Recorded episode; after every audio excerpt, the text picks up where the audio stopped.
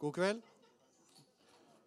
God kveld til møtet i Litteraturhuset. Jeg heter Rolf Dyrne Svendsen og jeg ønsker velkommen på vegne av uh, Trøndelag Redaktørforening, Next Media og Litteraturhuset, som er sammen om dette arrangementet. Sånn uh, ren To praktiske ting jeg er blitt bedt om å si innledningsvis. og det er at uh, For de som trenger å vaske hendene, så er det toaletter osv. der nede. Utgangen bak der. Og hvis vi skulle komme opp i en situasjon hvor vi trenger å evakuere rommet, så er det uh, ut, enten der vi kom inn, eller langs disse dørene mot uh, Søndregate. Men først av alt, uh, hjertelig velkommen til dette møtet, som har kommet i stand fordi at vi ønsker oss å sette fokus på en debatt som har virkelig rast i norske pressekretser. og når vi planla dette møtet, så ønska vi at det skulle være et åpent møte også for andre. Og En av grunnene til det er at vi har besøk av Svein Egil Omdal fra Stavanger, som leder Norsk Presseforbund sin nye høring knytta til en del av arbeidsregler og hvordan vi skal håndtere nettopp sånne situasjoner som vi har vært oppe i, rundt sitatbruk og eh, kildebruk osv. Men jeg tenkte å overlate eh, ordet og eh, ordstyringa til Erik Votland, som mange av dere kjenner fra hans tid som eh, journalist både i NRK og i Trønderavisa. Eh, han er godt kjent med det trønderske lynnet, eh, så han får dra i gang denne eh, diskusjonen. Vær så god, Erik. Takk for det, Rolf. Eh, hvor mange her er det som er journalister eller jobber i mediebransjen? Rekk opp hånda. Ja, det er ganske mange. Eh, er den objektive nyhetsdekninga skjøvet i bakgrunnen til fordel for kommenteratets sterke meninger? Eh, dette er et debattmøte om eh, kommentarjournalistikk og medienes forhold til kilder, sitater og pølsefest. I panelet Tone Sofie Aglen, kommentator i Adresseavisa enn så lenge. i hvert fall. Du skal inn i den urbane metoo-eliten i VG etter hvert. Gunnar Stavrum, sjefredaktør i Nettavisen. Folkets mann, nettopp vært på Dagsnytt 18 og kom rett fra Britannia. Sven Egil Omdal, leder for Norge, Norsk Presseforbunds utvalg, som skal utarbeide rapporten om medienes uh, kildebruk etter Erik Votland. Den største stormen er i ferd med å legge seg eh, etter at VG havna i hardt vær som følge av dekninga av eh, Trond Giske sitt eh, famøse besøk på Bar Vulkan. Saken om dansevideoen med Giske og den yngre kvinna Sofie på 27 år har vært heftig diskutert etter at Sofie sto fram på TV 2 for noen uker siden og fortalte det hun opplevde som i sitt møte med VG og journalist Lars Joakim Skarvøy som hun mente, var, eh, hun mente seg feilsitert. Det har skapt en stor debatt om den norske sitatpraksisen. Norsk Presseforbund har utnevnt et utvalg som skal granske norske mediers omgang med kilder. og Flere har tatt til orde for å innføre den angloamerikanske sitatpraksisen, hvor man er nødt til å sitere ordrett det intervjuobjektet sa. I den samme debatten er det også reist en del rekke spørsmål om samrøre mellom journalister og maktkilder hvem er egentlig journalistene på jobb for? Denne debatten deler vi i tre ulike deler. Kommenteratets rolle, samrøre pølsefest og til slutt sitatpraksis. Jeg tenkte jeg skulle begynne med deg, eh, Tone Sofie Aglen. Ehm, er det mulig å være så dum, skrev du 22.2, kort tid etter at VG la ut sin første sak med en tydelig henvisning til Trond Giske som dansa. Hvordan syns du den eh, kommentaren ser ut i dag? Nei, den syns jeg står seg veldig godt. Eh, og etter at den VG-saken kom, og jeg skrev den kommentaren min, så hadde jeg jo for det første fått med meg eh, NRK sin sak, som jeg festa ganske stor lit til. Jeg hadde snakka med ganske mange kilder i Arbeiderpartiet om uh, hva det her var, og, og, reaksjonene der. Og ikke minst hadde jeg snakka med hovedpersonen sjøl, Trond Giske. og hørt hans versjon uh, av det som har skjedd. Og jeg baserte meg på at, uh, at, det var det det var. Han hadde stilt opp på en eller annen selfie uh, helt frivillig. Jeg hadde ikke gjort noe galt eller noe som helst, men jeg mener, og det står jeg fortsatt veldig inne for, jeg har tenkt veldig mye på å bruke det for sterke ord, men at han i den situasjonen han var i, med det bakteppet, på full fart inn i, i fylkesstyret i Trøndelag Arbeiderpartiet, liksom hadde omstridt sitt første tillitsverv, og så setter han seg i den situasjonen at han blir avfotografert på en nattklubb om natta omgitt av unge damer. Jeg mener at det er ja, er det mulig å være så dum? Så nå vil jo kanskje ettertida si at sånn som den saken har kommet ut etter det her så kan man jo stille spørsmål ved om kanskje har det her også tjent uh, Trond Giske og, og, fått litt sånn uh, ny dynamikk i en del av uh, spørsmålene rundt han. Men jeg mener, selv om jeg selvfølgelig har tenkt mye på hva jeg litt for hard, eller hva jeg ikke, så mener jeg faktisk at det, at det står seg god presseskikk å aldri ta selvkritikk etter det. Eh, men, men, likevel eh, så, så, velger Adresseavisa å endre denne kommentaren. Eh, inngangen er endra, overskrifta er endra eh, og en del, eh, del type ting. Hvorfor gjør man det hvis man står inne for meningsinnholdet, hva som sto der? Ja, nei, det eneste som var endra i den, var jo at jeg skrev en, en nettkommentar den morgenen. Og så skulle vi ha til papiravisa den samme kommentaren dagen etter. og da endra vi med med uh, at det som har skjedd. For da, da sto det på en måte at uh, det jeg skrev, var på en måte Det jeg var spent på, var om Trond Giske kom til å trekke seg sjøl, eller om han ville opparbeide en tillit. Eller sånn, eller, og jeg, jeg, jeg, skrev i min kommentar at jeg regna med at han ville komme til en situasjon at han valgte å trekke seg for å skape ro i partiet. Og når den uh, kommentaren skulle uh, trykkes, så hadde jo det skjedd. Så det var egentlig bare en oppdatering av den. Hvorfor det skjedde, det har litt med at fronten vurderte det sånn at det ikke var eh, verdt å legge ut en helt ny kommentar, da, men bare endre. Mm. Eh, Gunnar Stavrum, eh, kommentariatets rolle eh, det er også noe du har vært eh, kritisk til i, i, denne saken. Hvorfor det? Jeg vil bare, bare for, for å legge an eh, Min kone har gitt klart uttrykk for at det er dumt å stille opp på, på, på selfier med unge damer sent om natta. Så jeg tror, jeg tror, ikke det er lurt, egentlig uansett. Men nei, altså det, som jeg, det som jeg synes var uh, Det som jeg ikke likte med hele Trond Giske-saken, det var uh, Da snakker jeg egentlig om den store, lange saken. Det var at det kom et Det var liksom én eksempelsak som kom på toppen av en bølge. hele metoo-bølgen. Og så ble det en veldig sånn veldig ensretta, tung kampanje som var kombinasjonen av, av vanlig journalistikk og kommentering i en selvforsterkende sirkel. Og det var veldig få eh, som prøvde å ta litt andre perspektiver. Og ehm, eh, jeg husker Vi publiserte for eksempel, i Nettavisen et uh, notat som uh, kort skisserte opp hva de, hva de seks varslene mot Trond Giske var. Veldig nøkternt formulert. det står seg i dag. Men det endte opp med at jeg var i Dagsnytt 18 og ble forhørt i ti minutter eh, beinhardt på hvorfor vi hadde publisert dette notatet. Så jeg syns vi, jeg vi mista litt hodet. Eh, nå, har aldri jeg vært måte, mannen som mener at eh, Trond Giske ikke har gjort mye dumt, og at det kan være helt riktig av partiet at han ikke har ledende verv lenger. Jeg har ikke vært, har ikke vært der, men jeg har vært mer på, måte, på det pressekritiske. Jeg syns det er lurt å, å, prøve å ikke la seg drive med altfor mye av egne følelser og meninger. Mm. Eh, Egil, er den objektive nyhetsdekninga skjøvet i bakgrunnen til fordel for kommenteratets sterke meninger, som er også overskrifta på denne seansen? Ja, eh, og det har skjedd eh, Akkurat i disse dager så er det vel tolv år siden vi fikk eh, iPhone. Det var starten på en ganske kraftig nedbygging av kapasiteten, ikke bare i norsk presse, men i hele vestlig presse. Så hvis du ser på f.eks. Adresseavisa sin stab i 2007 og for, i for i dag, så vil du uten at jeg har sett nøye på det, antagelig er det mye mye færre reportere, men så er det antagelig minst like mange kommentatorer som det var den gangen. Fordi at, um, og Det sier jeg som mangeårig kommentator sjøl. Det er mye billigere å ha kommentatorer i arbeid enn å ha reportere i arbeid. De beste reporterne er ofte de dyreste medarbeiderne du har, for de trenger mye tid, de trenger mye ressurser. Mens det å være kommentator er, det kan være krevende nok på andre felter, men det er veldig billig. Det er billig stoff som som Tone sier, hun kan skrive en morgenkommentar etter noe som har skjedd eh, dagen før. Eh, og det kan de fleste av oss som har drevet med dette, rive oss en kommentar i løpet av en time eller to. Mens eh, hvis ikke vi har nok reportere til å skaffe de faktaene som vi skal kommentere på, så blir det til slutt sånn at vi kommenterer på et tynnere og tynnere faktagrunnlag. Og da blir vi altså, det blir en usikkerhet i hele systemet. For vår oppgave som kommentatorer det er å analysere og eventuelt kommentere normativt eller på annen måte de faktaene som reporterne har brakt fram.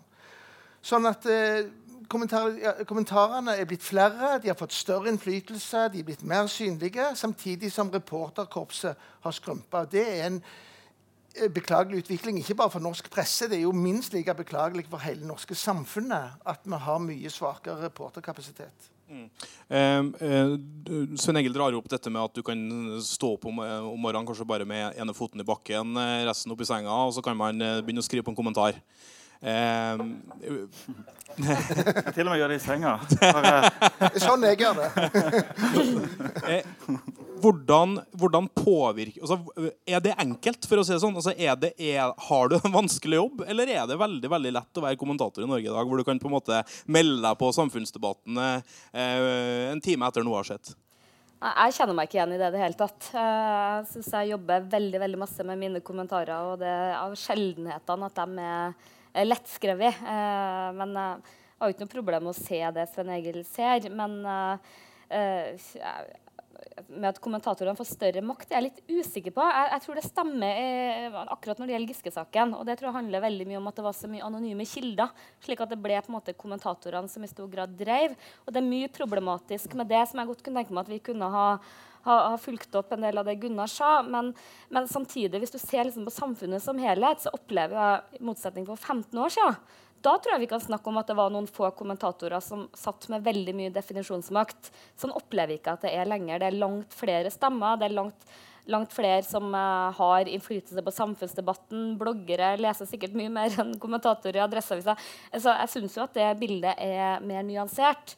Og jeg opplever jo også at øh, jeg ønsker liksom ikke at det skal være en konkurranse mellom nyhetsjournalistikken og, kommentarjournalistikken. For jeg opplever at, at veldig mange setter nettopp pris på kommentarer og ikke minst analyser, da, som kanskje har et litt vanskeligere liv i litt den der klikkbaserte eh, uh, medieutviklinga vi er i, at det er noe folk faktisk setter veldig stor pris på og, av leserne. Ja, altså Jeg mener jo ikke at det skal være noen konkurranse. Jeg sier bare at uh, det at vi har fått mye eh, At kommentarene er blitt mye mer synlige og dominerer i de redaktørstyrte mediene, det tror jeg empirisk ikke er vanskelig å vise. Det er blitt mye vanligere bl.a. å slå opp kommentarer som oppslag på nettavisene, eh, som var ukjent tidligere at en brukte kommentarene som hovedoppslag. En har fått kommentarer på områder hvor en før ikke hadde så mye kommenterende virksomhet. Um, og, og en har for eksempel, Hvis du ser på sporten, så ser du at det blir veldig mye journalistikk omkring hva den ene eller andre kommentatoren har meint om en eller annen hendelse, enten det er Rosenborg sin trenersituasjon eller det er doping på, i, i skimiljøet. Men er det ikke behov for noen som forklarer og analyserer den komplekse verdenen vi lever i? da? Jo, selvfølgelig er det det, men mitt poeng er jo likevel at hvis faktagrunnlaget vårt skrumper inn, hvis vi vet mindre om verden, så er det en fare for at kommentarene Uansett hvor mange, kilder vi snakker med, og hvor mye vi jobber Hvis fakta er mindre undersøkt, så er det en fare for at vi diskuterer på mindre flater, og at det er store felter av samfunnet som ikke er belyst godt nok til at vi kan kommentere dem med noen skikkelig innsikt. Og jeg tror jo, altså, Tempoet i nyhetsformidlingen har jo òg ført til at jeg var I mange år så var, var jo jeg nokså alene på den måten på det feltet jeg skrev om. For jeg skrev hver lørdag. Jeg kunne liksom styre det sjøl. Nå er det sånn, Skjer det noe medie, medieinteresse på en tirsdag, så er jo den saken død når du kommer til lørdag. For da har det vært 20-30 kommentarer tidligere i uka på dette. Så tempoet, antallet og det sviktende faktagrunnlaget mener jeg er noe som preger forholdet mellom kommentariatet og den øvrige medievirksomheten. Det mener jeg ikke å si at kommentarene ikke er viktige. Jeg bare sier at det har vært en forskyvning i volum og i betydning. Så alt var bedre før? Nei, alt var ikke bedre før. Det, det, det som Tone sier med de mange stemmene, er jo bra. Det at du før hadde noen sånn autoritative altså alltid ble avbilda på denne måten for å markere at vi snakket med en enorm autoritet. Det er jo blitt revet mye ned. Altså Nå er, nå er det et kor. Der hvor det var, Tidligere så var det en liten kvartett som sang, så er det nå blitt et svært kor av stemmer. Både i og utenfor de redaktørstyrte mediene. Det er selvfølgelig mye bedre. Eh, Mange toner her, eh, Gunnar. Du, du ansetter jo nå eh, de, ny debattansvarlig. og så styrker debattsatsinga i Nettavisen også. Mm. Går du med en drøm om å være mer på Dagsnytt 18 og sette mer dagsorden med kommentarstoffet? Eh, altså det jeg satt og reflekterte litt over, det er um, for jeg, jeg, tenker at det, En ting er liksom var det bedre før, eller så kan vi bare se på hva som har endra seg, og så kan vi mm, diskutere hva vi gjør med det. Jeg tenker at eh, når jeg begynte som journalist i Bergens Tidende, så opplevde jeg ganske ofte at jeg kunne drive nyhetsjournalistikk. Og så var jeg slett ikke sikker på at avisa på lederplass støtta de poengene som jeg skrev på nyhetsplass. Altså, sånn, var, redaktøren hadde på en måte en, en, en tilbaketrukken eh, observatørrolle og analyserte ting. Så jeg lurer på om det er sånn i dag at uh, det er mye tyngre for mediene i dag å sette én sak opp på dagsordenen og få de andre mediene til å, til å, følge opp. Et godt eksempel mener jeg er Dagbladet sin sak om Nigeria-båtene, som de skrev om i mange år uten at noen andre fulgte med. Sant? Så tror jeg liksom at mange medier da gjør sånn at de bruker sine egne kommentatorer for å forsterke saken de har. Sant? Og Da får du plutselig en ny situasjon hvor ikke redaktøren blir en litt mer tilbakeskuende eller litt mer tilbaketrukken analytiker. Kanskje litt mer deltaker i avisas dekning. men, men altså, journalistikken får jo eh, Man sier jo at makta har også skjøvet seg i, i favør kildene. Eh, og at man har flere PR-rådgivere, større maktapparat i, i, møte med det. Eh, og at man da har behov for eh, kanskje kommentar kommentarer, eh, kommentatorer som er med å, å utøve det presset. Hva, hva tenker du om det? da? Jo, altså, jeg tenkte egentlig Innledningen min på det, det resonnementet var på en måte at mer enn å si normativt at det er feil eller riktig, så, så tror jeg at, det er, at det, er, det er, sånn det har blitt. da. Eh, og um, det er, det er, vanskeligere å komme til orde med trøkk som et medium. Det er ganske få medium som har den dagsordenmakten. og da, da, tror jeg at det å forklare ting, analysere ting, kommentere ting er en del av arsenalet som har blitt viktigere enn, enn det var. Mm. Eh, Tone Sofie, klikk. Du, du nevnte så vidt eh, her. Hvor, hvor, viktig er klikk når du skriver en kommentar? Etter hvert har vi jo begynt med salg òg, da. Nei, sant? Vi, alle som jobber i media, blir jo målt på det. Eh, så jeg, jeg, har jo dessverre ikke fått vært i media den tida vi ikke ante hva folk leste. Det høres veldig deilig ut. Og, og selvfølgelig er vi opptatt av, av det. Men, og, og, det er jo noe av det som er, liksom, er min bekymring. For liksom, på samme måte som det finnes god og dårlig journalistikk, så finnes det jo gode og dårlige kommentarer. og det er jo liksom to ting jeg er litt sånn redd for. Det ene er jo det her tempokravet. Uh, for jeg mener at en god kommentar skal på en måte det skal gi litt ny innsikt, det skal sette ting litt på plass, uh, rydde litt i og gi noen nye perspektiv. Uh, og så skal det, det skal være noe annet enn sånn, Vi har ordet fritt og debatt til alle disse følelsesutbruddene. Eh, og, og, vi skal se ting fra forskjellige sider. Og det var kanskje litt der jeg syns det svikta under eh, Giske-saken. Hvordan måtte måte da? Nei, jeg tror mange oppfatta at i hvert fall de ledende kommentatorene var veldig sånn Eh, ensidig i hvordan de så på den saken. Og kanskje særlig det her tempokravet, som var liksom litt sånn Hvis ikke Jonas Gahr Støre gjør noe med Giske nå, så er han en svak leder. Og jeg tror kanskje noen har sett de siste ukene at, uh, at vanskelige saker, uh, særlig som omhandler særlig personalsaker, er krevende. Det tar tid. Altså, jeg tror nok også det der og, som jeg tror mange, kanskje de som er nærmere Giske, da, reagerer på, er på en måte at noen kan gå ut og si dette er kjempealvorlig, uten at uh, man egentlig vet hva som lå i de her varslene. Så det er en del sånne ting knytta til den saken som jeg syns det er god grunn til å, å, diskutere. Og ikke minst det her voldsomme drevet, når du ser på hvor, hvor mye medieoppslag det faktisk var. Så har liksom alle medier har ansvar for kun sin uh, eh, fin publikasjon. Hvis du legger alt oppå hverandre, og ikke minst sosiale medier, så ble det jo et voldsomt trøkk. Og liksom, hvordan klarer man å kontrollere det her drevet? Det syns jeg er sånn viktige spørsmål å, eh, å følge opp da, etter den saken.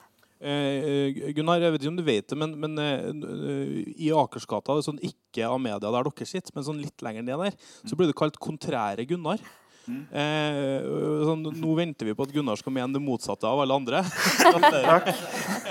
eh, eh, eh og, og, og, bakgrunnen for at jeg sier det, altså, Kjetil Rollnes skrev jo altså denne sosiologen og, og spaltisten eh, han skrev at en dansevideo har ført et intellektuelt og moralsk kollaps i deler av det norske aviskommenteratet. Eh, er du enig med han? Ja, eh, som jeg sa i sted, altså min, eh, min, kone syns heller ikke det har vært så smart å være på bar og bli avbilda med selfie med en blondine på natta. Spesielt Jeg må bare skyte inn at kona di eier jo faktisk VG, for hun er leder av Tinius-stiftelsen. Så uh, vi skal snakke om samrøre etterpå, men du skal få Nei, men jeg, jeg, tror jo at jeg tror jo, saken, jeg tror jo saken hadde blitt annerledes hvis den hadde starta annerledes. Altså, fordi at Jeg husker hvor jeg var når jeg fikk varselet om den videoen. og det er klart den, Du setter deg jo fast i den første tolkninga du får. Eh, og, og, den viser seg å være ganske annerledes. For hadde den vært eh, Fy faen, han er så dum. Han går på fylla eller han er på, på bar klokka to om natta. Eh, så hadde det blitt en annen sak enn det som initielt var saken. Og jeg tror ikke at det hjalp så mye at, at, NRK noen timer etterpå hadde, hadde en, en, annen versjon. Jeg tror på en måte det inntrykket som satte seg, satt seg veldig. Eh. Har du hytte, eller bor du i Berlin? Sånn Nei, nå har vi flytta hjem. Har hjem ja, ja. Men, men, du sitter ikke inn, inn i den urbane metoo-eliten innenfor Ring 3 i Oslo? da? Nei. Hvordan oppleves dette sett fra utsida? um, Den siste, det var to forskjellige runder. for det, det, som slo meg i den første runden, det var jo det at pga. Trond Giskes framskutte posisjon så ble jo han behandla urimelig mye hardere enn f.eks. Ulf Leirstein og Tonning Riise og disse andre som hadde gjort, i hvert fall anklaget for mye mer alvorlige ting enn Giske var. når du ser konkret på det. Så det ble en mye mer en sak om ledelsen i Arbeiderpartiet og Arbeiderpartiets tyngde enn det ble egentlig om hva er det mest krenkende som disse folka har foretatt seg. Den siste runden var sånn som eh, jeg tror Gunnar har veldig rett i det, at narrativen låste seg med en gang. Nå På sikt så har det jo ført til mye annet. Bl.a. pga. VG-saken så har en fått en helt annen debatt enn den en fikk de første dagene. Men den første uka så handla denne historien om at Giske overhodet ikke kan styre seg og derfor må vekk. Nå hadde han forspilt sin siste sjanse. Og Hvis du da ser nøktern på hva som skjedde der, så ser du at det er jo en ganske sterk reaksjon på noe som det som skjedde der. Men du må, du må få hele konteksten. Men den ble tolka så tungt jeg la merke til for at noen av de kommentar kommentatorene som jeg setter veldig pris på, bl.a. Hege Ulstein i, i, Dagsavisen, var urimelig krass med Giske etter dette. her. Jeg tenkte her er det en annen historie. Her ligger det noe under som ikke blir sagt i klartekst. for det Reaksjonen om språket hun brukte, og argumentene hun brukte mot Giske, tyder på at her er det mange mennesker som vet mye mer enn jeg vet om Giske-saken og om Giske. At, men det ble ikke sagt i klartekst. Det måtte du lese mellom linjene. Og mellom linjene så var det veldig høy temperatur i den kommentaren. Og samme med Marie Simonsen i Dagbladet. Uh, og ingen er med her for å forsvare seg, selvfølgelig. De trenger ikke forsvare seg, for de skrev det de skrev. Jeg, regner med at de står for det de skrev. Men det som slo meg utenfra, var at de skrev så Det var så veldig sterke ord i disse kommentarene. Mm. Er du enig med det, Tone Sofie? Uh, jeg er enig at og, Men det gjelder ikke bare den dansevideoen, men det gjelder hele Giske-dekninga. At jeg tror den eh, er prega av at, at, det er mye innforståtthet. Mm. Jeg tror det er mange innenfor media kommentariatet som har kanskje visst eller hatt uh, meninger som andre kanskje ikke kjenner. For liksom, Hvis du bare leser liksom, det som sånn formelt har kommet fram i avisene, så er det på en måte kanskje ikke så rystende alt det som uh, har uh, kommet fram. Men det andre så er jeg veldig usikker på det de sier, at, at, uh, at den uh, mediedekninga av den videoen har vært så skadelig. Jeg tror faktisk at den har vært mer skadelig om det der ikke har kommet fram. For jeg har fått mange varianter av den videoen sendt til meg. Uh, før uh, det kom fram uh, den første VG-saken. Jeg må innrømme at jeg trodde at den kunne ikke være ekte. Og det er liksom litt som hun, Sofie der jeg siterte sitert på, at det ser mye verre ut enn det var. Og jeg fikk mange sånne herregud, se på han der. Og jeg tror at den videoen ville ha levd sitt eget liv. Og jeg opplevde at lenge før det, liksom, det virkelig begynte å rulle rundt VG, så opplevde jeg at veldig mange vanlige folk hadde veldig sånn sympati for han. Og nå går media for, lagt, for langt og la noen mannen få danse og sånne ting. Så jeg tror han har vunnet veldig mye sympati på nettopp det etterspillet etterspillet den har fått i mediene. Mm. Når vi litt var inne på liksom eh, Berlin og by og land, og den type ting, så jeg skulle dra inn eh, fylkesordfører Tore O. Sandvik. For du, du har jo vært ganske eh, kritisk eh, i denne debatten. Dra ditt eh, resonnement. Nei, altså, Det er veldig bra eh, at noen setter ord på eh, når man føler. Eh, og Det som jeg egentlig har vært mest kritisk til når det gjelder kommentariatet, er at de har blitt så agendastyrt. Eh, jo, det er flere stemmer, eh, men det hjelper veldig lite når alle stemmene snakker likt. Og når de kontrære stemmene kommer på banen, så er det ikke debatt imot dem, det er mobbing. Eh, altså Det du ble utsatt for i Dagsnytt 18, det var ikke en debatt, det var uthenging, det var mobbing og trakassering. Eh, på samme måte som redaktøren i Klassekampen ble utsatt for det når hun prøvde å ta ned det og snakke om en kritisk presse. Jeg er veldig for en kritisk presse. Eh, og her er jo ramma en som jeg er både glad i og kjenner godt. Eh, men jeg er jo livredd for at den kritiske og redaktørstyrte pressen at den ender opp på en måte som de elsker, de som kaller, snakker om mainstream media.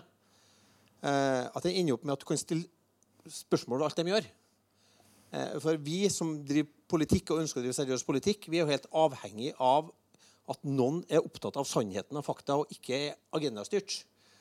Og jeg tenker som så at En ting er at kommentarene tar større plass. Uh, men jeg har kommentert både i Dagbladet og for så vidt i et intervju med Adresseavisa uh, før landsmøtet. Og det er liksom spesielt at det er jo ikke bare at de løfter kommentarene opp på nettsidene. Men Dagsavisen og Dagens Næringsliv hadde jo kommentarene til sine kommentatorer på hele førstesida. Altså det viktigste som skjedde i kongeriket på tre av de dagene etter jul. Da har ikke telt alle førstesidene. Det var rett og slett det som foregikk inni hodet til avisas egen kommentator. Ja, da er det ikke mye som foregår i landet. Eh, og Det var det som sa at det begynner å minne litt om, og det tror jeg man skal være litt på vakt på i Oslo-media, at det blir et sånn Oslo DC. Du får, altså, og Noen som lurte på om det fantes et norsk ord for 'drain the swamp', om det var det jeg var på jakt etter. Nei, tvert imot. Men jeg er livredd for at du får en offentlighet i Norge, og en nasjonal offentlighet, som ikke er noe nysgjerrig på det som foregår rundt omkring. Jeg hadde et sånn hjertesukk når Dagsavisen ringte om den dansevideoen. Så, så, så jeg sa at nei, jeg orker ikke å Det vil ikke jeg kommentere. Eh, jeg vil ikke være med på det spillet den andedammen. Eh, fordi at jeg har hatt mange andre politiske saker som dere ikke bryr dere med å være opptatt av. Eh, som dreier seg om verdiskaping og som dreier seg om ting som foregår ja, utafor Ring 3. da. Det avstedkom en hel kommentar fra Jens Kiel, riktignok utafor i Bergens Tidende, hvor han mente at jeg var nærmest for trakassering. Hadde ikke forstått noen ting av metoo. Eh, og dermed da eh, syns det er riktig at man får tafse på folk. Og det er jo liksom, Når det blir sånn svart-hvitt-debatter, så mister jeg også det, det gir på en måte, det gir tonnevis med eh, argumenter til det som jeg kaller for klosett.no, og den gjengen som da er mot redaktørstyrte medier. Eh, og jeg er jo mest redd av alt for at vi for at den arenaen, at vi ikke har den styrken i redaktørstyrte medier. Eh, som da kan skille mellom uh, sannhet og fiksjon, og som da er opptatt av vitenskap og fakta framfor uh, at vi, ja, det som en god venn kaller meg, at vi, vi er ikke et demokrati lenger, vi havner i et emokrati. Eh, ja. Så det er liksom min agenda. det er så jeg vil gjerne ha en kritisk presse som plager meg, men jeg er livredd når den blir så agendastyrt at du kan stille spørsmål med motivene. Og i denne saken her er det massevis av motiver å stille spørsmål. På et siste poeng. Eh, VG sin gransking av seg sjøl, eh, som endte endt opp med at de blåste sine egne kilder, det er noe i seg selv interessant, og som har endt opp med at de også da går god for at det er greit at en hvilken som helst person i Norge kan sende ut et varsel i en helt fremmed organisasjon han ikke engang er medlem av, eller til og med en agenda imot, for så å få det på trykk. Altså Det utløsende var jo at det var et perifert varsel som kom inn. Eh, det, i seg sjøl var spesielt. Men de, de tok heller ikke tak i seg at det var jo to sånne saker det var jo også en sak før med ei som følte seg veldig misforstått og misbrukt av VG knytta til denne saken. Der slår jo Tora Handlykken fast at grunnen til at de måtte trykke den første saken mot den første jenta sin vilje, det var at det pågikk en maktkamp i Arbeiderpartiet. Mm. En maktkamp som alle under hele prosessen har benekta. Og det synes jeg er litt alvorlig, for Hvis det var sånn at man hadde definert det som maktkamp, hvor var den kritiske spørsmålene knytta til om noen hadde en agenda bak det? Og Det betyr ikke at jeg syns de ikke skal skrive om det, at man ikke skal ha debatten om det. Men når du har definert det som maktkamp, så må du også stille spørsmål ved agendaen til dem som opptrer spesielt som anonyme kilder. Det kunne du lese om i Medie24. Takk, eh, Tore. Eh, nei, så Vi hører jo det her, da, Gunnar, at vi må, vi må, begynne å bry oss om at det vi skriver, er riktig. Og så må vi begynne å bry oss om det som skjer utafor Oslo. Er du forberedt på det? jeg har hørt noe om det at det skal være riktig det vi skriver. Det, det mener jeg har hørt noe før.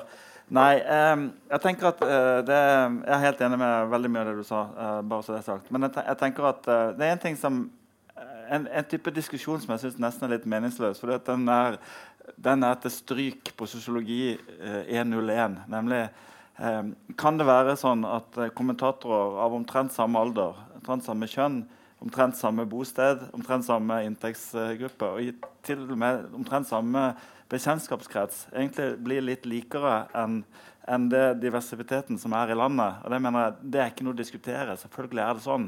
Og hvis de aller fleste som definerer ting, bor på samme sted, eh, så blir det jo sett fra Oslo Eh, været i Norge er sånn som været er i Oslo, for å si det veldig enkelt. Altså, det, eh, det, jeg syns det er trist at Tone skal begynne i VG. jeg syns det har vært strålende egentlig å ha den stemmen fra, fra Trondheim. Eh, så, så, jeg mener at det er sånn, rett og slett. Mm. Eh, det jeg har mest lyst til å snakke om i dag, var samrøret. Er dere med på det? Skal vi snakke om det? Eller vil dere fortsette med det her? Vi snakker om samrøret. Det blir artig. Tone Sofie. I dag er du politisk redaktør i Adresseavisa. Eh, men før sommeren så pakker du bagen og du entrer det vi har sagt, til den urbane metoo-eliten i Oslo. Til den skandalebaserte avisa VG. Gruer du deg? Eh, jeg gruer meg til å slutte i Adresseavisa. Du har blitt politiker. Eh, ja, jeg, har vært det, eh, du har vært det, vet du. Sånn var det. Men altså, eh, debatten har jo foregått rundt eh, samrøret, og kanskje spesielt caser opp mot denne Trond Giske-saken. Vi har sett eh, eksempler på det fra, fra flere aviser i, i, Oslo. Hva slags samrøre er det du tror at du kommer til? Nei, Det vet jeg jo veldig lite om. Eh, men jeg tror jo at det er en utfordring eh, for alle. Og, og det tror jeg, jeg sitter ikke sånn og er sånn høy og mørk på at fordi jeg bor i Trondheim, så er jeg så tett på vanlige folk og tror at liksom her bor fornuften, mens nede i Oslo er folk like. Men jeg tror det er noe som alle vi som er kommentatorer må tenke på. Det er jeg veldig opptatt av i vår avdeling òg. At, at, ikke vi på en måte sitter sammen og, og, snakker oss sammen til en litt sånn konsensus. At vi tvert imot vi prøver å dyrke eh, Er vi uenige, så liksom heller å liksom vise større uenighet. Og det tror jeg er en utfordring sånn, uansett hvilket miljø man er i, at du har lett for å omgås folk som blir eh, eh, lik deg sjøl, og tror på en måte at det er virkeligheten. Og jeg hadde en litt sånn der, litt artig opplevelse for et par uker siden. for Jeg var ute på et sånn kjøpesenter litt utom byen her, og da ble jeg sånn shanghaia inn av en gjeng som, gamle folk som satt på et bakeri og kosa seg. Og de var liksom bare sånn og de syntes det var så fælt med en Trond. Media var så slem med en Trond. De har kjent han siden han var en liten gutt. Og han har gjort så mye bra for Trondheim. Og bla, bla, bla. Og da tenkte jeg liksom jeg lurer på om mange av mine kolleger i Oslo liksom har sånne opplevelser. For at, at, du, at, du, treffer på sånne ting, det er på en måte også et slags korrektiv. Enn at du bare møter kolleger som er bare er opptatt av metoo og hva han har gjort. og sånne ting. Og, og det tror jeg er en sånn utfordring for alle som jobber i media, at vi passer på å snakke med forskjellige typer folk. At vi ikke bare havner i de samme miljøene og får de samme impulsene. Det, og dem tror jeg du kan få om du er i Oslo eller om du er i Trondheim eller til og med i Tromsø og Berlin. Eh, en ting er jo perspektiver, å få nye perspektiver også fra, fra rundt omkring. Eh, eh sånn, Hvilket inntrykk har du av samrøresituasjonen? Da mener jeg liksom bånd mellom journalister, politikere, eliten, næringslivet som går og tekker hverandre. Har du et inntrykk av det? Ja, Mitt inntrykk er at de er veldig mye tettere i Norge enn i en del andre land. At vi er veldig liberale på, med hvor tett Presselosjens medlemmer kan være stortingsrepresentanter sosialt og privat. Uh, det varierer. Dette er kulturelt betinget. så Det er sikkert land som er, som er like liberale som oss, men det er òg land som blir sjokka når de forstår hvordan det foregår i Norge. Og Presselosjen har, har ofte skjerma seg for kritikk. For de gjør sånn som journalister gjør og sier at dette passer vi på sjøl. På samme måte som stortingsrepresentantene passer på reiseregningene sine, så passer Presselosjen på integriteten sin. Um, jeg tror at det er på høy tid at vi diskuterer dette mye åpnere. Og hvis hvis det skal være noen mening i det, så må vi fortsette kanskje det som har vært gjort, som, som eh, TV 2 begynte nå i denne VG-saken, nemlig at vi gjør det som det står i Vær at vi skal ha et kritisk søkelys på vår egen virksomhet. Og da kommer vi i et, eh, i et sånn uggent terreng, fordi vi skal òg beskytte kildene. Betyr det at vi skal også beskytte de andre sine kilder? Altså Hvis jeg får vite at Gunnar driver noe hanky-panky med noen som prøver å påvirke hans journalistikk, så kan jeg bare avsløre det ved å blåse hvem som er kilden hans til disse artiklene. Krenker jeg da Vær varsom-plakaten, eller oppfyller jeg Vær varsom-plakaten? Den type diskusjoner har vi hatt altfor lite av i norsk presse, og de bør vi ta nå i bakkant av alt dette. Hva betyr kildevern? Hva, betyr, hva, hva slags forhold skal vi ha til kildene? Hvor tett skal vi være? Eh, hvor riktig er det å, å offentliggjøre andres kilder? Eh, Gunnar, eh, du leder en avis som eh, jeg fremdeles forbanna over at vi ikke fikk det til med 24, men dere gjorde Nettavisene. Dere sto utafor eh, festen til Hadia Tajik og Kristian Skaid og tok bilde av, eh, av alle sammen som kom inn. Eh, en liten anekdote. for Vi hadde et opplegg nemlig som var enda bedre, men det, det ramla siste halvtimen. Vi hadde en satiriker som, med TV-kamera som skulle være der og avsløre at det ikke er tette bånd mellom politikere og journalister. Eh, men han ble dårlig, så, måtte, så jeg er irritert på det ennå. Men, men, men disse, bild, disse, bildene av eh, journalister og politikere som går nærmest hånd i hånd inne på festen til, til Hadia Tajik, det publiserte du. Hvorfor gjorde du det? Nei, altså vi... Eh det enkle er ofte det beste. vet du. Det er trønderslagordet. Nei, eh, altså vi, vi, vi, vi, visste jo om den festen i eh, en måned. Eh, og bare, på, bare det å kartlegge hvem som var invitert, og hvilke bånd de hadde hatt til, til Haja Tajik, og for så vidt hele Giske-komplekset, fortalte meg at det, at det, var en god sak. Og så tenkte jeg at vi skriver ikke om det før festen kommer, for da tror jeg ikke de kommer på festen. så vi står utenfor. Og vi opplevde jo veldig mange ganske pressa smil. Eh, de var ikke veldig glad for å bli fotografert. Og Tones forgjenger eh, hevder jo at han ikke var på vei dit, til tross for at han var kledd i dress og kom med gaven. Han var på vei sammen med Jette Christiansen til eh, Teddy Softbar, som han sa. Men havna jo på festen siden. Så jeg tror nok mange ikke var veldig eh, glad for å bli avbildet i den forbindelse. Og det syns jeg er det, det, er på en måte sunt at de, at de, skjønner det, og så er det ille at de ikke har tenkt mer igjennom det. det. Har du fått mye pepper for at du la ut den saken? eller? Nei, alle, alle er jo sånn uh, ettertid 'Å, så bra at dere skrev den saken'. Uh, og uh, VGs uh, nyhetsredaktør sa på et debattmøte i Bergen at de hadde uansett tenkt å skrive om det. Hvilket jeg synes var litt rart, siden de hadde fire inne på festen og ingen utafor. Og, og, de ville kjøpe bilder av oss. men, men altså, det, det, tvinger seg jo fram et spørsmål. Altså, er det for tette bånd mellom politikere og, og journalister? Ja, jeg, jeg, mener det. Men Eh, og så er det sånn, men Hvor setter du grenser? da? Det er, jo, det, er jo ikke, det er helt greit å gå i folks bursdag, men i det, i det, øyeblikket du er så nær at du går i hvert fall i en, i en, normal bursdag, så begynner du å få problemer med integriteten din hvis du dagen etter skriver om vedkommende. Sant? Så, eh, det spesielle i denne situasjonen syns jeg jo Alstadsæter sa ganske klart at her så det ut som på en måte hele lauget var for å feire Giskes uh, fellelse på samme pølsefest. Og det så jo ikke bra ut. Eh, Svein Egil, eh, hvordan var det eh, da du var på ditt mest eh, aktive i den politiske journalistikken? Altså, hvordan, kan du peke på noe utvikling her, på noen måte, eller hvordan ser det ut? Jeg har aldri vært politisk journalist, sånn at jeg har aldri gått i disse miljøene. Og det, Derfor er det jo selvfølgelig veldig lett for meg å stå på utsida og si at de må være mye renere enn de er. Men men mitt inntrykk er at dette har vært, vært, vært, veldig lenge. At Stortinget har vært, altså Presselosjen på Stortinget har i en generasjon eller to hatt disse veldig tette båndene mellom journalister og, og, eh, og politikere. Og jeg, husker til og med når, når vi eh, var journalister med, Jeg har vært med på sånne eh, komitéturer med Stortinget. Iallfall én stor sånn tur. Og Da reagerte utenlandske kollegaer på at vi norske var så tjommi med politikerne. At vi var spiste middag med dem om kvelden og prata med dem og reiste i samme bussen som de. og sånne ting. Men Er det galt, da? Ja, det kan, Nå sa Gunnar sa noe, eh, hvor skal vi sette grensen. Og akkurat Det spørsmålet er det mest effektive du kan stille hvis du ikke vil ha noen grenser. Fordi at Da blir det en evig debatt om hvor skal vi sette grensen. Hvis vi kan gjøre det, kan vi ikke gjøre det. Men vi er faktisk nødt til å si at noen grenser bør vi ha. og Det kan f.eks. være at hvis du går i 50-årsdagen Hvis du blir invitert i privat 50-årsdag til noen, så kan ikke du skrive om de folka. For eksempel.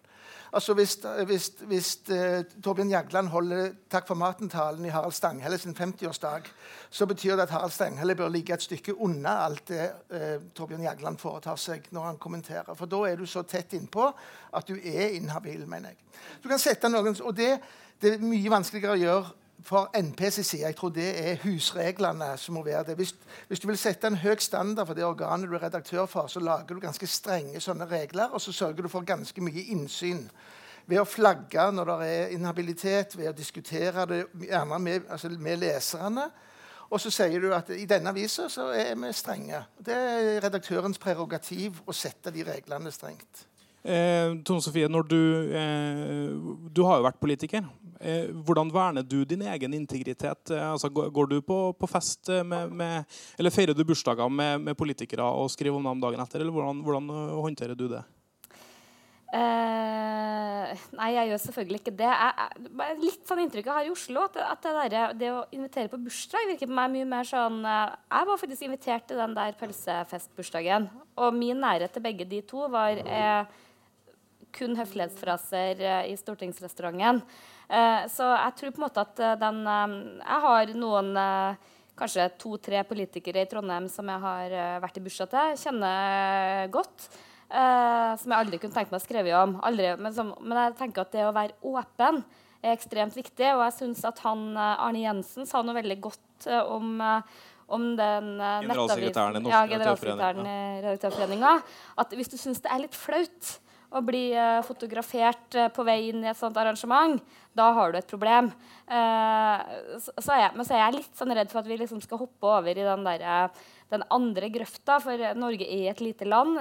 Trondheim er en liten by. Jeg tror liksom Uh, man har relasjoner. Jeg tror, jeg tror, heller ikke man blir en god politisk journalist eller kommentator hvis du ikke er ganske tett på kildene og snakker mye med folk. Og liksom begynner med noe sånn der, ikke lov å drikke øl eller bare lov å drikke kaffe i stortingsrestauranten er greit, så, så tror jeg vi ødelegger ganske mye, da. Mm. Eh, sånn Jeg har lyst til å si noe om det. det, det uh, um, dette med nærheten til kildene. Du må snakke med mange for å få vite hva som foregår. De snakker jo med deg òg for å påvirke deg. Det det er jo ikke en enveisgate, dette her. Jeg husker når jeg eh, som helt ung journalist begynte i Aftenbladet. så På dag to i Aftenbladet så stoppet sjefredaktør Jon Arnøy meg og sa han, Husk på det, Sven Egil, når du kommer rundt i Rogaland, så kommer folk til å booke for deg. Men det er ikke deg de booker for. Det er ikke fordi de liker deg så godt. Det er Aftenbladet de vil vise respekt. På samme måte er det når folk vil gjerne snakke med deg, så er det jo ikke nødvendigvis fordi at du er så spennende menneske som du kanskje er, men det er jo fordi at noen vil påvirke det du skriver. Og Jo mer du snakker med folk, og hvem du snakker med, og hva slags agenda de har, det påvirker de meningene du danner deg. Så jeg tenker av og til at det kan være veldig godt å trekke seg litt tilbake og bruke formelle kilder, bruke skriftlige kilder mer enn eh, mange kommentar kommentatorer gjør. Uh, og vær åpnere med hvem du har snakka med for å skrive en sak. For eksempel. du trenger ikke navngi dem, men si for å skrive denne kommentaren så har jeg snakka med folk uh, i, den, i, det segmentet av samfunnet. Sånne ting. altså Vise folk at du er Du blir òg påvirka av de folka du snakker med, og de vil påvirke deg. Eh, Gunnar, du er høy og mørk her, som, som, sier at du ikke har noen bindinger. eller noe som helst. Er du Viggo Venneløs? Ja. Jeg har ingen venner. Nei, jeg, jeg, det, har du politikervenner? Eh, nei, ikke aktive politikervenner. Men, eh, men jeg, sier jo at det, det, er jo ikke, det er jo ikke galt å ha venner, men i det øyeblikket du har venner, så kan du ikke skrive om dem. Eh, og det som slår meg, der, det er to ting. Det ene er, det ene er for, for å gå litt, følge opp ditt Ditt, ditt, innspill. Altså, det, er jo, det, er jo, ikke sånn at du som, som, journalist som blir venn med en politiker, da plutselig har fått har fått makta ensretta. Altså, er politikerne har like mye interesse av å bli kjent med deg for å påvirke deg. Det er liksom én ting. Den andre tingen er at jeg, jeg, mener at det er veldig stor forskjell på ulike felt av journalistikken. Altså, jeg kommer fra, fra økonomijournalistikken, som var utskjelt på 50- og 60-tallet, liksom, før Kapital og Dagens Næringsliv endra hele området. Jeg nekter å tro at, eh, at 40 finansjournalister som hadde dekka en maktkamp mellom Stein Erik Hagen og Kjell Inge Røkke, hadde gått i Røkkes 50-årsdag. Det hadde bare ikke skjedd, for det er en, en annen holdning i, i, i, den delen av journalistikken. Eh, så kan du si Sportsjournalistikken er jo litt annerledes igjen. for Der er, det jo, eh, der er de veldig, opptatt, veldig avhengig av kildetilgang. Sant? Og, hvor mange kilder bruker ganske harde represalier mot folk som er kritiske. Sant? Så jeg tror det varierer litt mellom ulike deler av journalistikken også. Jeg tror det var noen NRK-journalister som reagerte på at Skiforbundet ikke ville betale for festmiddagen deres. Litt andre perspektiver her, Svein Egil? Ja, altså, Sporten har eh, tradisjonelt sett vært den verste med denne sammenblandingen. Fordi at de har rekruttert folk òg rett fra sporten. Men når Kjell Kristian Rike døde, som var jo en elska kommentator, så sto det i, i, omtalen av han at han spesielt hadde gjort en kjempeinnsats for skiskyting ved å være med og designe det nye opplegget for skiskyting. Og da skrev jeg en kommentar hvor jeg sa at det er sikkert kjempefint for skiskytingen, men er det en journalists oppgave å være med og regissere det feltet som du skal dekke som journalist? Det var det ingen som stilte spørsmålstegn med på det feltet. Så tror jeg kanskje at næringsliv er på den andre siden. Jeg tror det, det, er et av de eh, feltene hvor det har vært større avstand. Det har sikkert skjedd ting der òg, men hvis du har sporten der, og så har du næringsliv der, så har du politikk som har nærma seg sporten mer og mer, etter min mening. Eh, alt det vi snakker om nå, eh, handler jo egentlig om troverdighet og tillit, som er den viktigste kapitalen for journalister. Eh, jeg tenkte jeg skulle ta en ting med deg, Tone. fordi Medie24 har nemlig kjørt en Infect-undersøkelse som viser at fire av ti nordmenn stoler ikke på VGs politiske journalistikk. Eh, la meg ta det første spørsmålet jeg stilte deg. Hvordan tror du det blir å begynne i VG om noen måneder? Nå kommer tilliten til å bare øke. Så men, men, men, altså, eh, når du flytter til Oslo nå, eh, skal du eh, For å liksom bruke litt sånn ord fra Gunnar, da. Skal du dømme deg down, eller skal du smarte dem opp? på en måte? Altså, hva er perspektivet ditt her? Nei, jeg, jeg, gjør jo ikke det her for at jeg Først skal ikke jeg flytte, jeg skal pendle. Det tror jeg kan være uh, fornuftig. Men jeg går jo ikke og tror at fordi jeg bor i Trondheim, så er jeg så mye mer smart enn uh, enn dem som er i Oslo. Absolutt ikke. Uh, men jeg tror nettopp det her med bevissthet på hvem du snakker med, er veldig viktig. Og nettopp der er jeg ganske uenig med Sven Egil når det gjelder det her med kildebruk. For Hvis jeg bare skulle sitte og lest fylkestingspapirer og, og, og, og tilegna meg politikken på den måten, så tror jeg jeg er blitt en veldig dårlig kommentator. Og jeg opplever at jo flere folk jeg snakker med, og jo bredere tilfang, om jeg snakker med backbencher i Arbeiderpartiet eller folk i Frp eller folk i SV, jo, jo liksom smartere syns jeg at jeg sjøl blir i stand til å måte, se ting fra flest mulig sider og se dybden i saker. Og, og, det tror jeg er kjempeviktig. Og når du spør om hva jeg vil til Oslo, så er det jo for å, å komme tettere på det politiske miljøet. For det er jo også viktig for å bli god i jobben sin. Ja, Egil, er du, er du en dårlig kommentator? Fordi at jeg ikke snakker med så mange. Ja, kanskje. Altså, Jeg skriver ikke om politikkfeltet på den måten. Men, men eh, jeg krangla med Trine Eilertsen i Aftenposten en gang jeg kritiserte at hun dro på Bilderberger-møte fordi jeg mener at journalister skal ikke være Altså topp, Topphemmelig elitemøte. Ja, virkelig topphemmelig elitemøte. Hvor jeg mener at journalister skal ikke være på møter som er stengt for pressen. Uh, du skal ikke være den eksklusive journalisten som blir lukket inn på et møte som er stengt for pressen. og Spesielt ikke når det er verdens mektigste folk som er der. Og Da skrev Trine i en kommentar at eh, Omdals metode går visst ut på ikke snakke med noen mennesker. Og Det er ikke så veldig langt fra sannheten. Men, eh, men fordi at jeg prøver å hvile veldig tungt på skriftlige kilder. Jeg, skjønner det du sier. Jeg skjønner at du kan ikke gjøre det i alle saker. Saker som er under utvikling. Derfor er jeg veldig avhengig av å ha gode reportere. Og da er vi tilbake der jeg begynte. At Jeg snakker gjerne med reporterne, og jeg snakker med folk som og jeg får dokumenter fra reportere. Jeg prøver å gå til det. Hva er det vi har av etablert faktagrunnlag? Av det som alle kan kontrollere. Derfor så lenker jeg veldig mye i mine kommentarer til mine kilder, så folk kan se hvor er det han har henta disse opplysningene fra. Det kan ikke du gjøre når du snakker med anonyme kilder, som, som vil gjøre. Og Derfor så må vi stole mye mer på hvem at du, er, at du, har høy integritet, at du ikke lar deg påvirke, at du har snakket med et bredt ut, utvalg. det kan godt være sant, men det kan ikke leseren i utgangspunktet vite. Derfor mener jeg at det å bruke muntlige, anonyme kilder skaper et mye større usikkerhetsmoment om hva som ligger bak kommentaren, enn der hvor du flagger disse kildene har jeg brukt. Her er de. Dere kan se selv om dere er enige med meg eller ikke. Gunnar, hva tenker du om det? Nei, uh, altså jeg, jeg, jeg, satt og tenkte på, på en, det er en anekdote, men jeg tror den har noe sannhet i seg. I, i, Bergens, i Bergen i, i, gamle dager si, så, var det, så var det såpass tett på, på tinghuset at når det var store rettssaker, så satt uh, aktor, aktor, forsvarerne og dommerne uh, rundt samme bord og spiste lunsj sammen med journalistene. Og det var, Så innvevd var det der, med ett unntak. og Det var VGs reporter Mikael Grunnspang, som siden ble en legende egentlig, kriminaljournalistikken på mange måter, som aldri spiste sammen med de andre. Men han hadde alltid de beste sakene i Bergen. Og det, det slår meg når jeg ser tilbake på de beste undersøkende reporterne jeg vet om. Veldig, mange, veldig få av de har veldig nære vennskapsbånd til de sakene de dekker. Eh, og kanskje det kan være sånn at Hvis du virkelig skal ut noe brutalt, så går du til den som er den reelt onde, kritiske reporteren, ikke den du, du sitter og spiser lunsj med hver dag. Så jeg tror det er litt kontraproduktivt. Mange tror at de kommer på innsiden av å, av å bli venner med folk, men det, det, tror jeg ikke de gjør. Og så er jeg jo enig med Tone i at du kan jo ikke eh, Flinke undersøkende reportere snakker jo med masse folk. Altså, det, er jo, det er jo kildemengden som ofte avgjør. Mm. Eh, vi skal dra i det siste elementet her. Eh, fordi Svein Egil Omdal, du, du, leder jo dette utvalget. Mm. Eh, og dette utvalget de skal, på, de skal, lage en rapport som skal beskrive utfordringer og fallgruver med kildebruk i en presseetisk perspektiv. Eh, og så listes det opp en, en rekke ting der. Altså, hva, hva håper du å finne ut når det gjelder sitatpraksis? Mm, vi, altså vi, vi, skal finne ut ting, og så skal vi analysere ting. Og så skal vi kanskje òg foreslå endringer i regelverket. Det er det åpna for i mandatet. Så det vi må gjøre er, altså Bakteppet er VG-saken, men dette er ikke en granskning av VG-saken. Det er granskning av de temaene som ble viktige for pressen i den VG-saken.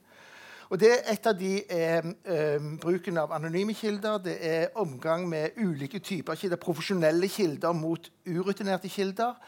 Og det er sitatpraksis. Hva er et sitat i norsk journalistikk? Eh, er det en slags eh, løst sammentrekning av det folk har sagt, eller er det, det de ordene som journalisten har klart å legge i munnen på et intervjuobjekt? Eller er det en presis gjengivelse spesielt på de viktige tingene? Der det, har det vært usikkerhet i norsk journalistikk lenge. og hatt, Hver gang Varsom-plakaten har vært revidert, så har han diskutert hva er normen. Og Det har vært til og med så sent som for to-tre år siden strid mellom Pressens faglige utvalg og Redaktørforeningen om hva som er norsk sitatpraksis. Og Det er interessant i seg sjøl at uh, Presseforbundet sitt utøvende organ på presseetikk ikke er enige med Redaktørforeningen, som er en av hovedorganisasjonene der, om hva som faktisk er, hva reglene omfatter. Eh, til, til, Klassekampen så sier at det er på tide at norsk presse tar et oppgjør med sin sitatpraksis. Hva mener du? Ja, jeg mener, altså, Simen Sætre var den første som skrev det nå, men det er et tema som har vært oppe flere ganger. Men I Norge så er det sånn, um, og det kan være interessant å høre de som ikke er journalister her, om dere vet det, at hvis det står et, en tankestrek foran noe som ser ut som et sitat, så er det et slags løst ekstrakt av meningsinnholdet av det folk mener. Det kan gjerne, like gjerne være formulert av desken hvis det står i anførselstegn, så skal det være et korrekt gjengitt sitat. Da skal det være ordrett slik som det ble sagt. Sånn at uh, Når folk sier men jeg har aldri sagt det, så sier journalisten nei, nei, men det står jo sitatstrek. Ja, det er det jeg sier. Jeg har ikke sagt det. Nei, men det står sitatstrek. Du skjønner vel forskjellen på en sitatstrek og et anførselstegn? Og da er spørsmålet når vi går inn i dette arbeidet, gjør folk det? Uh, det må vi undersøke. Vil publikum, kilder Til og med rutinerte kilder vet de om den, den markante forskjellen der er mellom en sitatstrek og et anførselstegn. Hva mener du? Jeg mener at den angloamerikanske tradisjonen er bedre. Eh, nemlig at eh, vi tar vekk sitatstreken. Du kan godt gi sånne, parafrasere hva folk sier. for Hvis du hører et lydopptak av hvordan vi nordmenn snakker, så hører du at eh, vi snakker av de halve setninger, avbrutte setninger, mange hvileord. Det ville vært meningsløst å gjengi oss sånn som vi snakker. Men det som er viktig, det bør vi da gjengi 100% korrekt. Sånn at det, det, Sofie sa den kvelden, det skulle det overhodet ikke tvil om. For hvis det sto i anførselstegn, så var det det. Da hadde du sagt det. Ikke noe annet, ikke noe omskrivning. Hvis du ser i rapporten til VG, så ser du at de forhandler i etterkant om hva hun skulle ha sagt på det møtet. Og, det, og, det helt, og så sier andre kilder det er helt vanlig at, for, at, du havner i en forhandlingssituasjon når du har blitt intervjua med ikke hva jeg sa, men hva jeg kunne tenke meg å si det, eh, I den angloamerikanske tradisjonen så er det vanligere enn for I England var det slik helt til for ikke så lenge siden at alle som skulle bli journalister, måtte kunne stenografere. Eh, nå har vi opptakere, men da skulle journalistene kunne stenografere for å kunne gjengi korrekt. I Norge har ikke det vært noe krav i det hele tatt. Hva tenker du, Gunnar? Jeg tenker at, at Utgangspunktet for, for, saken, altså VG-historien, det, det, det, er en del ting som på en måte ikke handler om, om sitatpraksis. Altså Hvis du har en, eh, bakgrunn, off the record-samtale, så er det helt likegyldig hva som det er sagt i den samtalen. For det, det spiller ikke noen rolle hva som står på blokka, for det er ikke noe du skal sitere fra uansett. Det er, det er jo det groveste du kan gjøre mener jeg, som journalist, å blåse en skille på det viset. Så Hvis vi bare legger det til side og går egentlig til, til, sitater hvor man er enig om at man skal sitere fra samtaler, eh, så jo eh, så Gro Harlem Brundtland ble utsatt for det i Kapital en gang, hvor hun faktisk ble gjengitt på akkurat det hun sa. Og hun tror jeg ikke er en sterk talskvinne for korrekte siteringer etter, etter den tid. Så utfordringa med å endre praksis er jo at vi må endre praksis ganske mange samtidig. Politikerne må endre måten de, de, korrektheten og presis, eller hvor presise de uttaler seg. Så, så, ja, så jeg har vært mest opptatt akkurat i forhold til VG-saken på det som er forholdet til, til, til bakgrunnssamtaler og til, og til, kilder som ikke skal siteres i hele tatt. Og synes, synes det var ganske Det er ikke noe som skjer dagligdags. Det syns jeg var ganske ille. Men, men hvor, hvor, hvor, ofte krangler du og dine reportere med, med kilder om hva som egentlig ble sagt? Er dette en sånn ukentlig, daglig greie, eller skjer det sjelden? Altså, jeg tror veldig Jeg tror du kan dele i to typer intervjuer. Det, det, det er de intervjuene som er med, med, med, kilder som ønsker å bli intervjua. Og der er det jo jeg tror jeg, ganske liberal praksis om at de, de, får, eh, de, får, godkjenne sitatene sine og se om at de faktisk står inne på det de blir sitert på. Så blir det noen forhandlinger uh, om du virkelig sa det så sterkt, og sånt, men det tror jeg på en måte ofte forhandles fram. Så blir det mer de andre tilfellene hvor folk egentlig ikke ønsker å bli og blir sitert og kanskje sier noe, blir overrumpla, sier noe uforvarende, og så, og så, reagerer veldig på å bli sitert på det. Og da, da er jeg nok der du er. at jeg mener at, at da, da, må du være pinlig nøyaktig på det du siterer. Men da syns jeg også vi skal stå på det som vi har notert. Mm. Mm. Vil ikke den, eh, den, eh, amerikanske måten å sitere på være en styrke for eh, kommentariatet? Da, da vet du i hvert fall at det var det som ble sagt? Ja, men jeg er usikker på om det er det som er problemet her. Uh, jeg, tror som Gunnar at uh, det er mer det her forholdet mellom off-on og en del andre ting som kanskje er, mest interessant å diskutere. og det er hvert fall, Nå har jo jeg intervjua særdeles få, for jeg har jo ikke jobba som journalist. Det er læreren min i Russeavisa. Men jeg har blitt intervjua mange ganger av herværende mediehus. Og, og, det som jeg i hvert fall har kjent på, er jo ikke det at jeg liksom ikke har blitt riktig sitert, men det er konteksten. Uh, selv om det, liksom, det, du har sagt, høres kjempeklokt ut i en uh, gitt kontekst, og så kommer det liksom bare bitte liten del av meningsinnholdet inn i noe helt annet, så får det til å se ut som den tullskjura. Mm. Du ville jo aldri ha sagt det på den måten uten den forklaringa.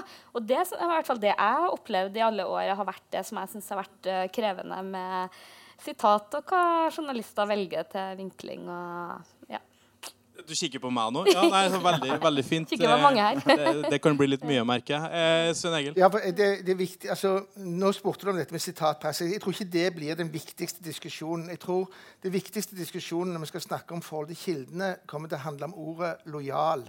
Hvordan er du lojal mot et menneske som du skal ha tenkt å publisere meningene til? Og Det kan være på mange felt. Hvordan er du lojal når du behandler vedkommende altså off the record eller on the record? Hvordan er du lojal når du tar hensyn til om vedkommende er en rutinert politiker eller en urutinert kveldsdanser? Um, um, hvordan er du lojal når du gjengir vedkommende i hvilken kontekst? Hvis du setter det inn i en kontekst hvor det ikke hører hjemme, så er du jo selvfølgelig illojal mot det objektet.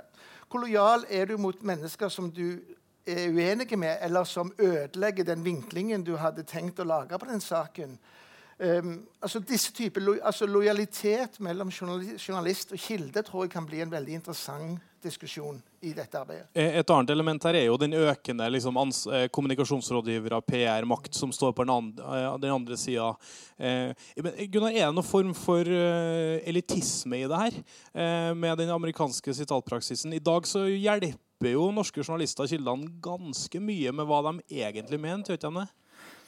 Jo. Uh Altså, det er mulig at jeg ikke svarer helt på spørsmålet. Jeg skal prøve. Men det slår meg at Du skal få en ny sjanse etterpå. uh, altså, det, hvis du går til anonyme kilder, så synes jeg det, det, er annen, det, er en annen ting som jeg, synes, som jeg kanskje vil kaste inn. og det er uh, I Norge så har vi egentlig lagt oss en sånn praksis at alle anonyme kilder er omtrent like gode, og vi forteller ikke så mye om dem anonyme kilder i Arbeiderpartiet sier at sant? Hvem da av de 800 000 som stemte på partiet, er den kilden? Sant? Men si, eh, i media som type Washington Post sant? de, veldig sånn, de har kilder i Det hvite hus, men de plasserer det? En, eh, altså de plasserer det sånn at du kan faktisk tolke hvor, eh, hvor mye dekning de har for å si det, det de mener. og hvis vi tar Giske-saken som et eksempel, så tror jeg det hadde hjulpet ganske mye at vi hadde fått plassert kildene litt. Er det politiske motstandere av Giske som sier dette? Altså, Gi oss litt mer kontekst, da.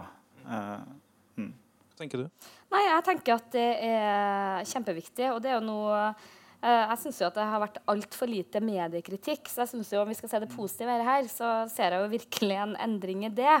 Og, og, at det blir en viss opprydding på en del ting, og kanskje særlig det her med anonyme kilder, for det syns jeg kanskje det har blitt vel mye av i den politiske journalistikken. Og, og det er jo kjempeviktig eh, i noen tilfeller, men at man kanskje skal være mer kritisk til bruk av anonyme kilder. Og også eh, kanskje særlig der det er maktkamp. Og det er det jo i politikken. Da er det stort sett nesten alltid maktkamp. At man eh, også er litt mer åpen på hvordan eh, motiv folk har. For de aller fleste som vil snakke med oss, om de er anonyme eller hva de er, de har jo en hensikt med det. Mm. Gjelder anonyme kilder, så er det sånn, Der har Vær varsom-plakaten en bestemmelse som sier at som hovedregel så skal kilden for opplysninger identifiseres. Men, men følges det? Nei, det var mitt poeng. at I den politiske journalistikken så det, har det utviklet seg en praksis der det, der, der kan være sammenhengende brudd på den paragrafen. Eh, i, det, kan, der, der har vært hele politiske serier. Hver gang ikke minst en avis du skal inn i når de har vært på jakt etter en partileder. Uh, og det har vært forskjellige, enten det har vært Kristelig Folkeparti, eller Senterpartiet, eller Arbeiderpartiet eller Høyre. for den saks skyld. Så har det flomma med anonyme eh, kilder. Noen av dem har vært av den typen opplysninger som er, hvor en aksepterer bruk av anonyme kilder, altså falsifiserbare eller verifiserbare opplysninger, hvor det faktisk går an å finne ut er det sant eller ikke sant. Men det har òg vært massevis av eh, karakteristikker Eh, personkarakteristikker, beskrivelser av folks eh, væremåte og slike ting, som er helt umulige for vedkommende eller andre å beskytte seg mot, og som er akkurat det kravet om ikke å bruke anonyme kilder skal hindre, nemlig at du anonymt skal kunne drive karakterdrap på folk. Og Der har den politiske journalistikken den er i en klasse for seg når det gjelder bruk av anonyme kilder, spesielt på Stortinget. Altså, vi i Medie24 fikk en, en, kilde i VG som sa at vi må være varsomme med bruk av anonyme kilder. i denne sammenhengen, For det var folk som var ute etter hverandre. og sånt, så, da, så da, da, da, svarte vi med at OK, vi tar det til etterretning. Eh, vi skal ha noen spørsmål eh, fra salen, og det er spørsmål. Og jeg kommer til å ta tida. Jeg kommer til å stoppe dere, ikke noen utredninger. Eh, er det noen som har eh, spørsmål, så har vi en mikrofongåer her. Mikrofongåer. Bak her, bak her. Der, vet du. Og se her. Ja, jeg vil tilbake til dette med samrøre. For at der har jeg jo på mange områder følelsen av at det var mye verre før. Så den tiden man hadde en partipresse her i landet, hvor avisene var knyttet til uh, Så var det jo fullt samrøre i, i de møtte jo på styremøtene i, i partiet osv. Så, videre. så Så på noen områder har det faktisk blitt litt bedre. Og innenfor kulturjournalistikken Dere var inne på sport, men innenfor kultur har det jo vært veldig mye uh, altfor nære forbindelser. sånn at på noen, og der har det vet jeg, i hvert fall fra egen eh, bedrift, NRK, at det har vært litt kraftig opp. Så, så det er noen, noen det, er, det er vel noen lyspunkt også. Stemmer det jeg sier nå? Da var det et spørsmål borti der. Helt i nasjonens periferi. Ja, jeg er jo kommentator i, i Nasjonen sjøl. Så jeg ble jo litt sånn redd når det blir påstått at vi har for mye makt, eller vi har tiltatt oss for mye makt. og Det stemmer kanskje det, men, men er ikke et større problem at, at, det er så mange ut i samfunnet for øvrig, altså influensere, bloggere, podkastere, som er sine egne redaktører, og, og på en måte peiser ut uh, alt de ønsker og, og har på hjertet? Uten at, uh, uten at de uh, på en måte stilles til ansvar i forhold til Vær varsom-plakat eller Altså Når vi tramper i klaveret, så blir det en presseetisk debatt. Men, eh, men, det skjer jo ikke eh, i forhold til ja, podkastere og komikere og sjølbestalte kommentatorer. på en måte. Hvis dere kunne ha kommentert det. Ja, altså, vi stiller spørsmålet Er en kommentator i Adresseavisa eller VG eller Aftenblad bare en blogger med høy lønn? Eller er det noen karakteristika ved å være kommentator i de redaktørstyrte mytene som skiller oss fra alle disse andre, som òg påvirker? Er helt riktig, der er jo bloggere og, og sånn som har et, et, publikum som er mye større enn de fleste eh, kommentatorer i avisene. Men hvis vi skal bevare, altså hvis vi tenker at det at avisene og mediene kommenterer at det har en samfunnsfunksjon, og skal bevare den, så må vi jo dyrke fram det som atskiller oss fra bloggerne. Det er kanskje da troverdigheten, at de kan stole på at det ikke er skjulte bindinger, at du ikke er betalt av det firmaet du skriver om, som du ikke kan være trygge på når det gjelder bloggerne. helt åpenbart at du, at du, har et eh, etisk regelverk som du er forplikta på, som du trykker hver dag, at dette organet er forplikta på dette regelverket, at du har et sted du kan klage og bli behandla skikkelig hvis det er et overtramp osv. Så, videre. så jeg tenker alt det vi gjør presseetisk og sånn, skal jo nettopp sørge for at folk skal kunne se forskjell på Tone og på en eller annen eh, blogger som, som, skriver kanskje kan skrive like godt som oss. Det, ikke, det er ikke der det ligger. Det ligger i det rammeverket som vi opererer innenfor. Hallo, ja. Du, jeg lurer på om det går an å stille spørsmål til Sandvik, jeg. selv om ikke han står oppe der. er du med på det, Tore Sandvik? Ja, så bra. ja. Nei, du, um, jeg jobber i Trønderavisa, journalist. Um, jeg er veldig nysgjerrig på det med det Oslo-argumentet. for jeg synes det er interessant da. Uh, men så skjønner ikke jeg helt hvordan det er relevant opp mot den Trond Giske-saken.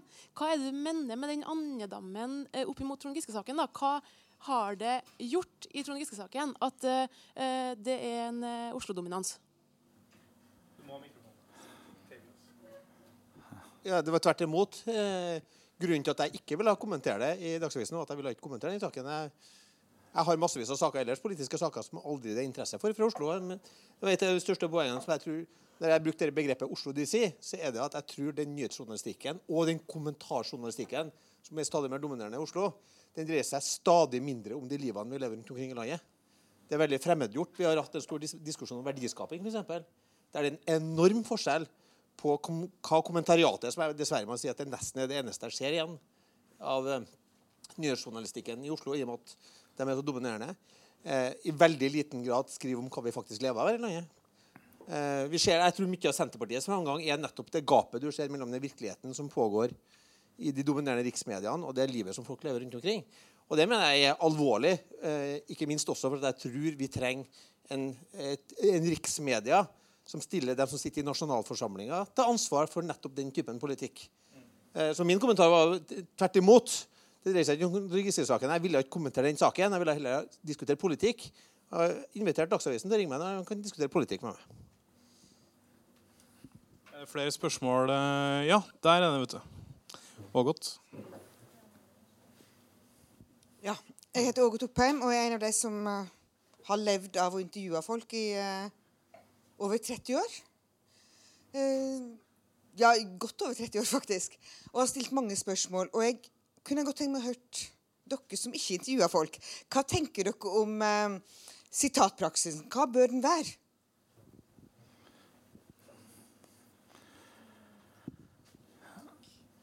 Ja, eh, jeg kan jo ikke svare, for jeg driver og intervjuer folk. faktisk, innimellom. Men eh, jeg tenker vel at, eh, at det, Jeg syns at det, det, er riktig å være, å være, mye mer tydelig på hvem, hvem, som er kilden for ting. Altså da, på, på begynne der, at vi, I den grad vi bruker anonyme kilder, så skal vi fortrinnsvis bruke det på verifiserbare fakta. Altså sånn, og ikke på synsing som er anonymt uten at vi henfører hvem det.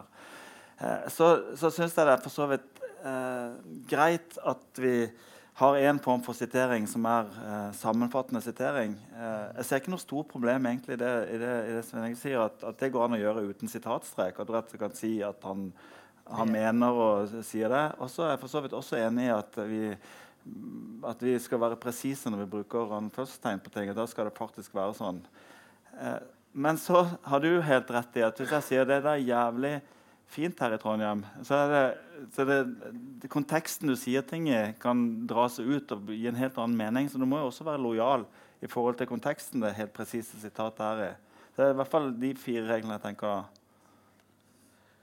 Ja, Du snakker jo ikke med noen, så jeg vet ikke om spørsmålet var til deg. Nei, men jeg har vært redaktør i mange år og, og diskutert dette. folk, altså, En av de vanligste anklagene vi får som, som, redaktører, i hvert fall, det er folk som ringer og sier at de ikke kjenner seg igjen i det som er gjengitt i media. Og Det er jo en alvorlig anklage. Når du har hatt et møte med en avis, og så har du uttalt deg, og du selvfølgelig, det betyr mye mer for deg enn det gjør for den enkelte journalisten som gjennomfører masseintervjuer i løpet av en dag. Og så kommer det på trykk, og så kjenner du deg ikke igjen. Du føler at du er omskrevet, du er som du sa, tatt ut av kontekst. Det tenker jeg en, Når det er en av de vanligste kritikkene vi får som redaktører og journalister, så må vi gå inn i det. Og så må vi se er det noe med at vi har en litt for lemfeldig måte å behandle folk sine utsagn på. Og det, Andre land klarer dette med strengere regler. så det er ikke sånn at, at det er bare én måte journalistisk å gjøre dette på. Det er strengere regler i noen land enn i andre. og Vi tenkte vi må se litt internasjonalt på å se hvor strengt håndheves det, hvor, hvor gjennomført er det, og hva gjør de nå? Eh, hvor, hvor, mye kan du parafrasere hva folk mener? For Det står jo i Vær varsom-plakaten at vi plikter å gjengi meningsinnholdet. altså vi skal du skal kjenne igjen meningene dine først og fremst. Og så hvis det er viktige ord du har sagt, så skal de ordene være presise. Må vi endre praksis, eller må vi skjerpe oss? Tone Sofie? Nei, jeg vet ikke om man må det. Eh, sånn. Men det som jeg tror er som kan være nyttig erfaring som mange medier ikke har, eh, nemlig det å bli intervjua i media. Der tror jeg VG har fått seg en, eh, en litt sånn eh, heftig, noen heftige uker. Det er på en måte at det er utrolig sterkt.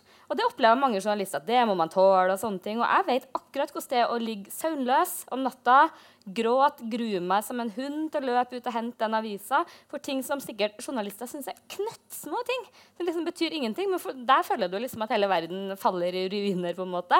Uh, liksom, så det er, det er, ganske tøft, og særlig med sånn, folk som ikke er så veldig kyndige og så veldig medievant, og det gjelder selvfølgelig ikke sånn toppolitikere og sånne ting, så er det et, uh, et sterkt virkemiddel som jeg tror mange som er i media, sikkert meg sjøl inkludert, for jeg begynner å bli så vant til, ikke tenker så veldig over.